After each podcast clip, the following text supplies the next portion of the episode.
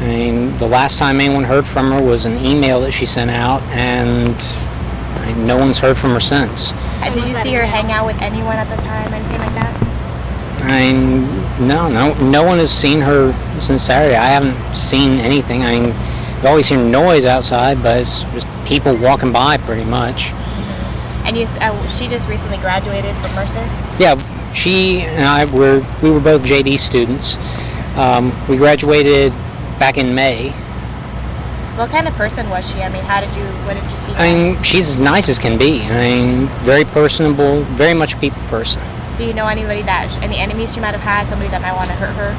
No, I mean, we're, we don't know where she is. I mean, the only thing we can think is that maybe she went out running and someone snatched her. Because I mean, we went at, we went over. One of her friends had a key. We went inside and tried to see if there was anything amiss. But I mean, she had a door jamb that was sitting right by it, so there was no sign that anyone broke in. I mean, the door was locked when everyone got here. I mean, we, we just don't know where she is. What about um, in the like the parking lot area? I know they've been doing a lot of. I think that's where they have recovered the body or whatever they recovered from there. Um, body? Had you heard? Had you seen anything there? Had you seen anything there? I, I mean, we don't know if this is the same person. You know what I mean? Like they took out a body there earlier. We don't know if it's the same person or not. So that's why we're trying to ask people if they know who lived there. Are you okay, sir? I think I need to sit down. Okay.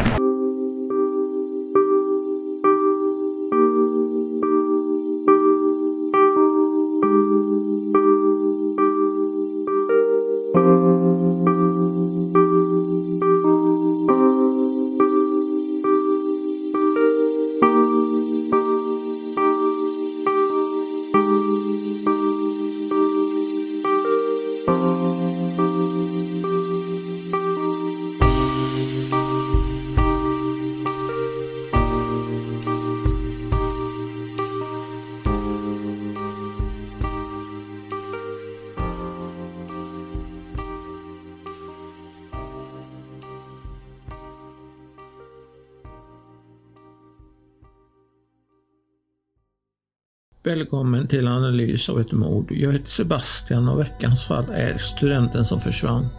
Lauren Giddings försvann från sitt studentboende den 26 juni 2011 i Mason, Georgia. Lauren Giddings var nyligen utexaminerad från Mercer Law School och anmäldes försvunnen den 30 juni 2011.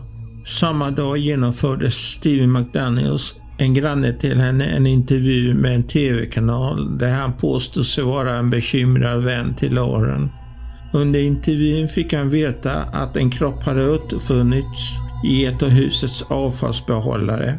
Saken var att polisen hade avspärrat området och avfallsbolaget fick inte tillgång till just det kärlet. När Steven fick reda på detta under intervjun så verkade han närmast chockad över uppgiften. Han fick avsluta intervjun och gå och sätta sig på några trappsteg. Den 1 juli gick Steven McDaniel frivilligt till polisstationen för ett förhör om Lorraine. Förhöret varade över 12 timmar och han var inte lika pratig som i tv-intervju. Hans lägenhet genomsöktes då han ansågs suspekt under tv-intervju och under förhöret. Han placerades i häkte den 2 juli där han skulle förbli nästan en månad. I augusti åtalades Steven för mord, även om vissa kanske initialt trodde att McDaniels reaktion bara var chocken över att förlora en vän, namngav polisen honom som en intressant person i utredningen bara en dag senare. Med tanke på brottets natur, dess grymhet och hur lite kontakt McDaniel hade haft med Giddings innan mordet trodde många att om han inte hade blivit fångad så skulle han fortsatt döda fler kvinnor.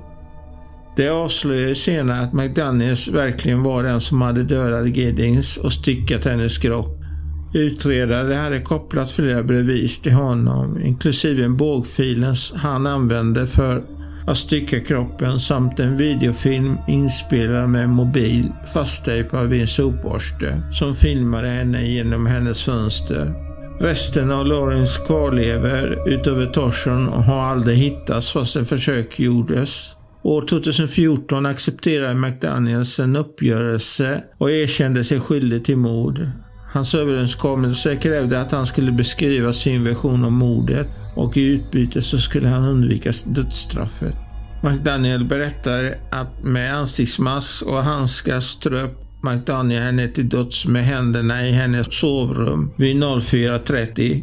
Nästa dag styckade han hennes kropp med en bågfil i badrummet. De flesta och Giddings kvarlevor kastades i en container på campus. Hennes torso kastades dock i en sopbehållare utanför lägenhetskomplexet.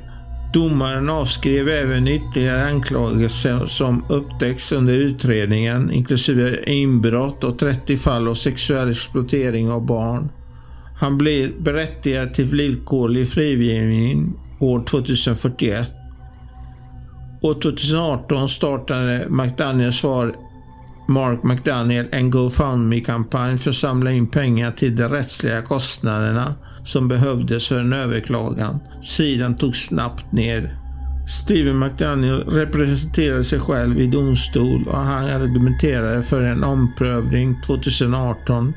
Han hävdade att hans konstitutionella rättigheter kränktes eftersom han inte var medicinskt godkänd innan han samtyckte till sökningar. Hans juridiska forskning avlyssnades av distriktsåklagaren och hans advokater företrädde honom inte tillräckligt. Han lämnade också in ett klagomål om felbehandling mot sin tidigare advokat. Domaren avslog överklagandet. År 2011 bodde den 25-åriga McDaniel och 27-åriga Giddings i samma lägenhetskomplex en kort avstånd från skolans campus. Vid den tiden förberedde sig Giddings för att ta advokatexamen och sedan påbörja en lovande karriär som försvarsadvokat. Men tragiskt nog, medan Giddings hade förberett sig för advokatexamen, hade McDaniel förberett sig för hennes mord. Vid första armblicken verkade det inte som McDaniels hade det i sig att begå en sådan grym handling.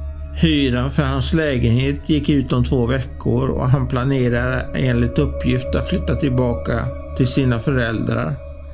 Men som polisen senare skulle upptäcka hade McDaniel postat på internet om sitt hat mot kvinnor och hans önskan att plåga den. Konstigt nog var han också en prepper som lagrade mat och energidrycker i sin lägenhet. McDaniels hade inte mycket tur när det gällde kvinnor. Han var på e-harmony men han fick inte många dejter. Han var också en självutnämnd oskuld och hävdade att han sparade sig för äktenskapet. Och ändå hade han kondomer i sin lägenhet. En omständighet som senare skulle visa sig vara mycket viktig i utredningen om mordet på Laura Giddings. Med tanke på McDaniels hemlighetsfulla beteende höll polisen ett öga på honom, men han gick ingenstans under dagen hängde han runt lägenhetskomplexet medan myndigheterna sökte igenom de andra enheterna. Han var runt där hela tiden. Han gav sin ökända intervju. I början verkade McDaniel som vilken annan oroad lokalinvånare som var bekymrad över sin försvunna granne. Vi vet inte var hon är, sa han till reportern bakom kameran. Det enda vi kan tänka på är att hon kanske gick ut och sprang och någon kidnappade henne. En av hennes vänner hade en nyckel och vi gick in och försökte se om något var avvikande. Myndigheterna skulle så småningom hitta fler bevis på, från McDaniels bärbara dator som visade att han hade samlat information om Giddings och hennes positioner inför hennes död. Det fanns också en serie videos som indikerade att han hade förföljt Gidings och tittat in i hennes lägenhet genom ett fönster. Fallet tog en vändning för det sämre för McDaniel när datorbevisen började komma ut och det fortsatte bara, förklarar McDaniels advokat. Det faktum att McDaniel hade postat ett antal internetbloggar och forum om sitt allmänna hat mot kvinnor och sin önskan skada dem stärkte bara fallet för hans inblandning i det fruktansvärda mordet. Men även innan polisen hade samlat in denna information var de säkra på att de hade hittat sin man baserat på initiala samtal med honom. Så samma dag som de upptäckte Giddings kropp förde de in McDaniel på polisstationen för förhör, mindre än 12 timmar senare. När Steven McDaniel fördes in på polisstationen igen den 30 juni 2011 var hans uppträdande ganska stilla. Han var också tystlåten och svarade endast på några frågor, oftast med svaret ”Jag vet inte”. Även när detektiverna var ute i rummet satt McDaniel perfekt stilla. Förhöret sträckte sig in på tidiga timmar den 1 juli och McDaniel hade fortfarande inget att säga. Detektiv David Patterson förhörde McDaniel i timmar, frågade om Lauren Giddings plats och hävdade att han visste att McDaniel visste vad som hade hänt. Han erkände också att McDaniels förändring i uppträdande från hur villig han var att prata tidigare på dagen den 30 juni. Varför stänger du av? frågade Patterson. Jag vet inte, svarade McDaniel. Vill du ge mig möjligheten att berätta det, sa han. Så att du inte ser ut som ett monster till slut. Jag vet att du mår dåligt över det. Även om situationen allvar tyngde McDaniel vägrade han fortfarande att dela något meningsfull information med Chapman. Det var bara när detektiv Carl Fletcher kom in i rummet som McDaniel gjorde ett misstag. McDaniel erkände inte att han hade mördat Giddings den natten, men han erkände ett orelaterat brott. Under förhöret nämnde Fletcher kondomer som hade hittats i McDaniels lägenhet eftersom McDaniel antogs vara oskuld och sparade sig för äktenskapet. Så varför hade han kondomer? Och var fick han tag dem ifrån? McDaniel sa han tidigare gått in i några av sina klasskamraters lägenheter medan de var ute och tagit kondomer från dem. Med andra ord erkände han stöld från sina klasskamraters bostäder. På grund av detta arresterades han för inbrott och polisen samlade allt bevis de behövde för att bevisa hans inblandning i mordet på Lorraine Giddings.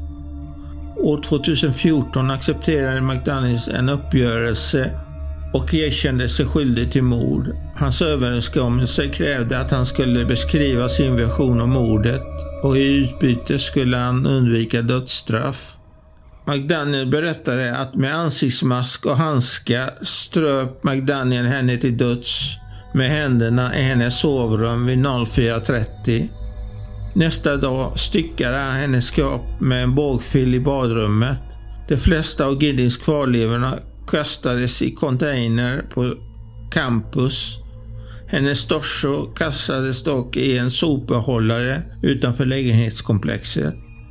Domaren avskrev även ytterligare anklagelser som upptäcks under utredningen inklusive inbrott och 30 fall av sexuell exploatering av barn.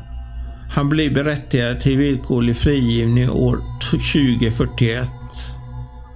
År 2018 startade McDaniels far Mark McDaniel en GoFundMe-kampanj för att samla in pengar till de rättsliga kostnader som behövdes för en överklagan. Sidan stod snabbt ner.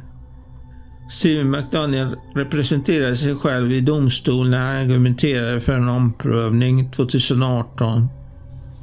Han hävdade att hans konstitutionella rättigheter kränktes eftersom han inte var medicinskt godkänd innan samtycke till sökningar Hans juridiska forskning avlyssnades av distriktsåklagaren och hans advokater företrädde honom inte tillräckligt. Han lämnar också in klagomål om felbehandling mot sin tidigare advokat. Domaren avslog överklagandet. Sedan dess har Steven McDaniel försökt överklaga sin dom vid flera tillfällen och framfört påstående om ineffektiv juridiskt biträde och att staten stulit försvarsförberedelser. Hittills har han misslyckats med alla sina överklaganden och även om han kommer att vara berättigad till villkorlig frigivning 2041 tror juridiska experter starkt på att han kommer att tillbringa resten av sitt liv bakom galler. Per november 2023 är McDaniel internerad på Hancock State Prison i Hancock County, Georgia. Men vem klarar av att stycka en kropp? Alla människor är inte psykiskt kapabla att göra det. Det vanligaste förekomsten är så kallad transportstyckning. Man vill helt enkelt bli av med kroppen utan att bli påkommen. Det finns givetvis flera aspekter av detta, men en mer ingående analys kommer jag att göra i nästa veckas avsnitt med ett snarlikt tema fastän helt annorlunda. Det var därför jag tog förra avsnittet, Dextermordet, detta som nästa avsnitt i den ordningen. Tack för att du lyssnade på analys av ett mord. Ha en bra dag och sköt om dig.